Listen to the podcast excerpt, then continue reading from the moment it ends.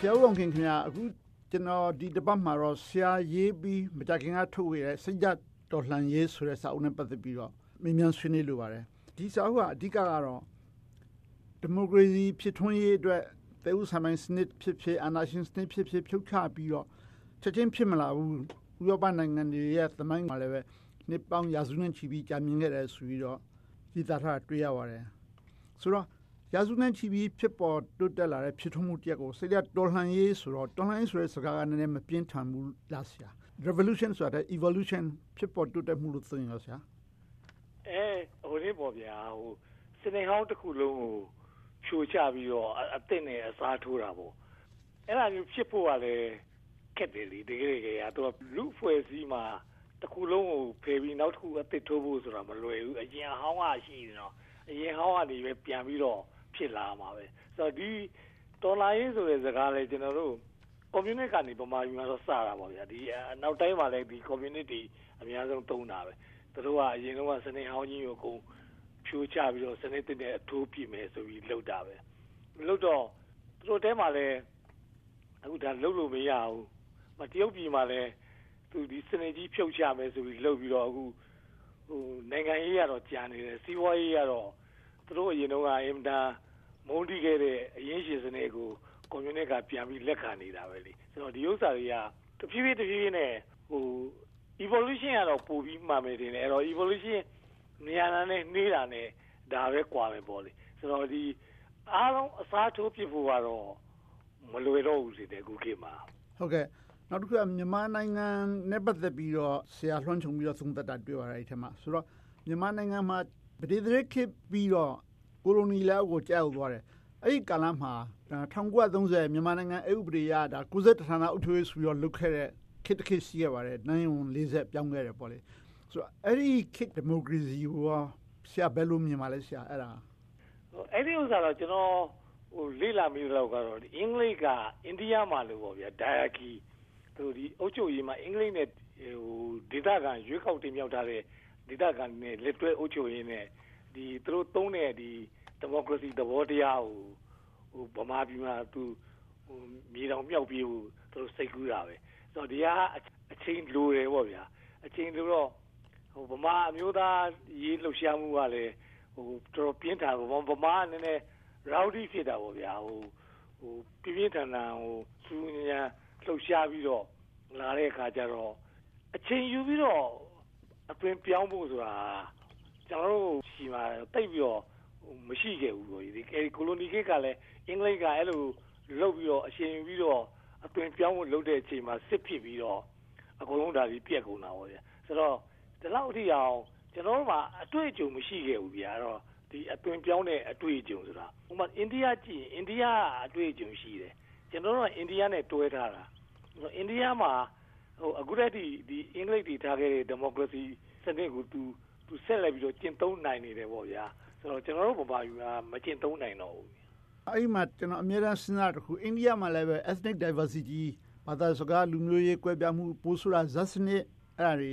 ရှိနေရတော့အဲ့ဒါကိုသူတို့ဘယ်လိုကြော်လွှားနိုင်ခဲ့ပြီးတော့ကျွန်တော်မြန်မာနိုင်ငံရဲ့အဲ့ဒီခွဲခြားတဲ့စကြက်တွေကအဲ့လောက်ပြင်းထန်လို့လားဆရာအဲအိန္ဒိယလောက်တောင်မှကျွန်တော်တို့ရှိမှာမပြင်းထန်ပါဘူးဒါပေမဲ့ဘာဖြစ်လို့ဒီလိုဖြစ်တယ်ဆိုတော့ဟို ကာယကံရှင်တွေကတော့ပိုပြီးမှာပေါ့ဗျာဒီတိုင်းရင်းသားမှာဗမာမှာလည်းဟိုဗမာပြည်မှာသူဗမာကြီးစိုးဖို့ပဲအမြဲကြိုးစားနေတာဟုတ်ဗျာဆိုတော့ဗမာကြီးစိုးတဲ့အချိန်ကိုနိုင်ငံတော်တည်ထောင်နေဆိုပြီးတော့ဗမာယူဆတာဟုတ်ဗျာအဲတော့ဗမာနိုင်ငံတော်တည်ထောင်နေပထမနိုင်ငံတော်ဒုတိယအဲ့ဒါကြီးအားလုံးကဗမာတိုင်းရင်းသားတွေကိုနှိမ်ထားတဲ့အချိန်ကာလတွေပေါ့ဗျာဆိုတော့တိုင်းရင်းသားတွေကအဲ့ဒီအချိန်ကလည်းမနိုးကြခဲ့ဘူးပေါ့ဗျာဆိုတော့အခုတော့ တိုင်းရင်းသားတွေကပြန်ပြီးတော့နိုးကြတက်ကြလာတဲ့အခါမှာသူတို့ဘယ်လိုပြန်လုပ်အောင်မှ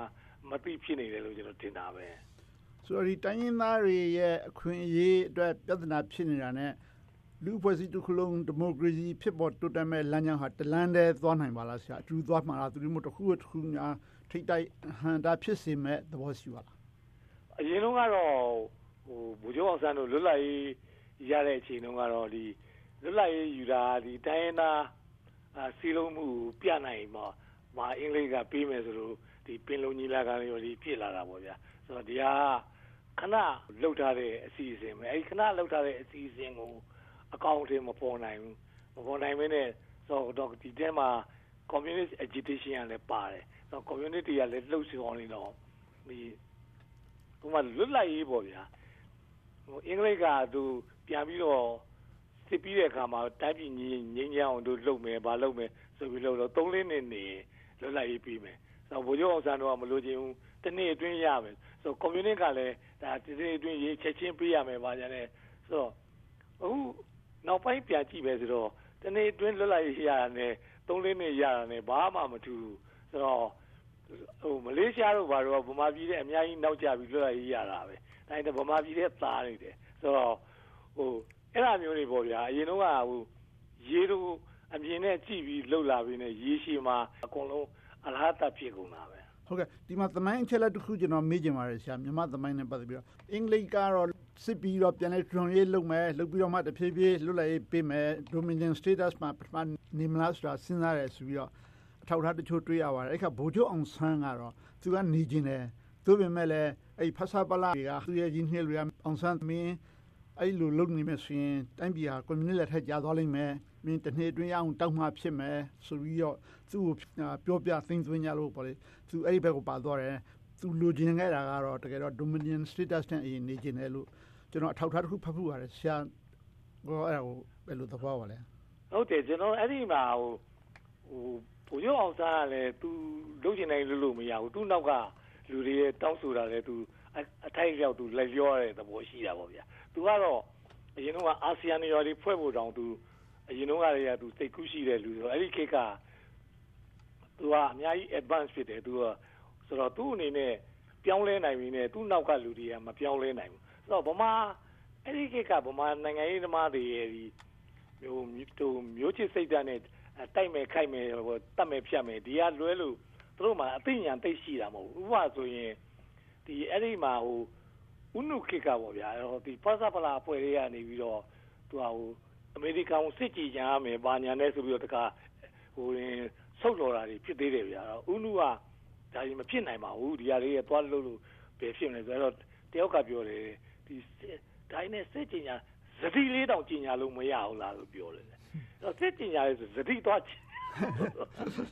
တော့အဲ့လိုမျိုးတို့ကရပဲလို့ထင်တယ်တို့ရဲ့အတွေ့အကလေးတွေးပေါ့ဗျာအခုလိုက်ဒီကလေးတွေးတွေကရှိသေးတယ်ဗျာဆိုတော့အဲ့ဒီဆိုတာကျွန်တော်ပြောတဲ့ဆိုလိုတဲ့ဒီစိတ်သက်တွန်လာရေးဆိုတော့စိတ်သက်ပြောင်းလဲဖို့ပဲစိတ်သက်ပြောင်းလဲဖို့ကတော်တော်ခက်တယ်ဆိုတော့ဟိုကိုယ်နဲ့အရင်တော့ငယ်တုန်းကကိုယ်နဲ့မတည့်တဲ့လူကိုကြီးလာရင်ပြန်ပြီးတော့ခေါ်ခေါ်ပြောပြောလုပ်ဖို့တောင်လွယ်တာမဟုတ်ဘူးဆိုတော့ဒီကိုယ်နဲ့မတည့်တဲ့လူပြန်တက်အောင်ပေါင်းဖို့ဆိုတော့လွယ်တာမဟုတ်မတည့်တဲ့လူနဲ့ ပြန်တက်တဲ့အခါမှာအင်တာစိတ်ချမ်းသာစရာကောင်းတယ်ဆိုတော့ဒါဟိုလူတွေကလည်းပြီးတယ်ဒါပေမဲ့တကယ်တကယ်မလုံးနိုင်ဘူးဟုတ်ကဲ့အဲ့ဒီပြဿနာနိုင်ငံရေးကျတော့အင်တာကြီးသွားတာပေါ့ဗျာအဓိကအဖြစ်ဒါခေါင်းဆောင်ပိုင်းမှာဒီလိုစိတ်ဓာတ်မျိုးဖြစ်ဖို့လိုမဲ့ထင်ပါတယ်အခုမြန်မာနိုင်ငံရဲ့လက်ရှိခေါင်းဆောင်ပိုင်းကိုဆရာဘယ်လိုသုံးသပ်လိုပါလဲအဲ့ဒါရှင်းကြည့်ရင်အဲခေါင်းဆောင်ပိုင်းကတော့အခုကျွန်တော်မြင်တာတော့ခေါင်းဆောင်ပိုင်းမှာရက်သားဘက်ကတော့ဒေါန်ဆန်းစုကြည်နေရာကိုစက်ကမဲ့လူတွေ အခုတော့တည်းကနေပြီးတော့ကျွန်တော်တို့မြင်သိနေပြီကျွန်တော်တို့တော့မမြင်သေးဘူးဘယ်သူတွေဆိုတာကိုခံမှန်းလို့ရတဲ့နေပြီဒါတွေလည်းမရသေးဘူးဆိုတော့ဟိုခေါင်းဆောင်ပိုင်းမှာလည်းပဲကျွန်တော်တို့မမမအရင်ကအာနာရှင်စနစ်ဆိုတာတယောက်ပြောရင်အကုန်လက်ခံတယ်မမမမပေါ့ဗျာဆိုတော့အဲ့ဒီဟာမျိုးဟာဟိုဗမာပြည်မှာလည်းဟိုတဖြည်းဖြည်းနဲ့အစင်အလာကြီးလို့ဖြစ်အယိုးဆွဲလာတာပေါ့ဗျာဆိုတော့အဲ့ဒါလည်းကျွန်တော်ရဲ့အားနည်းချက်ပဲအဲ့ဒီမှာဟို ကျွန်တော်အဲ့ဒီစောက်ထဲမှာလည်းကျွန်တော်ပြောထားတယ်ကျွန်တော်အသားလွင်ဆောင်းပါးတစ်ခုမှရေးထားတယ်အဲ့ဒီ2013ခုနှစ်ကအဲ့ Lutheran World Federation ဆိုတာဗမာပြည်ကအယက်သားအဖွဲ့တွေကိုလာလေ့လာတော့အယက်သားအဖွဲ့တွေထဲမှာလူတူကသာဆုံးဖြတ်တာကိုနာဂာနဲ့အကျင့်ရှိတယ်တဲ့အဲဆုံးဖြတ်တဲ့မှာပါဝင်ဆွေးနွေးပြီးတော့အခွင့်အလမ်းသိပ်ပြီးတော့မယူကြဘူးတဲ့ပြောရဆိုရမှာပြောရဲဆိုရဲမရှိဘဲနဲ့ ငြိမ်ခံနေတဲ့အတွက်ဒီအပြန်အလှန်ဆွေးနွေးမှုမရှိဘူးဆိုပြီးတော့သူတို့ရေးထားတယ်အဲ့ဒါ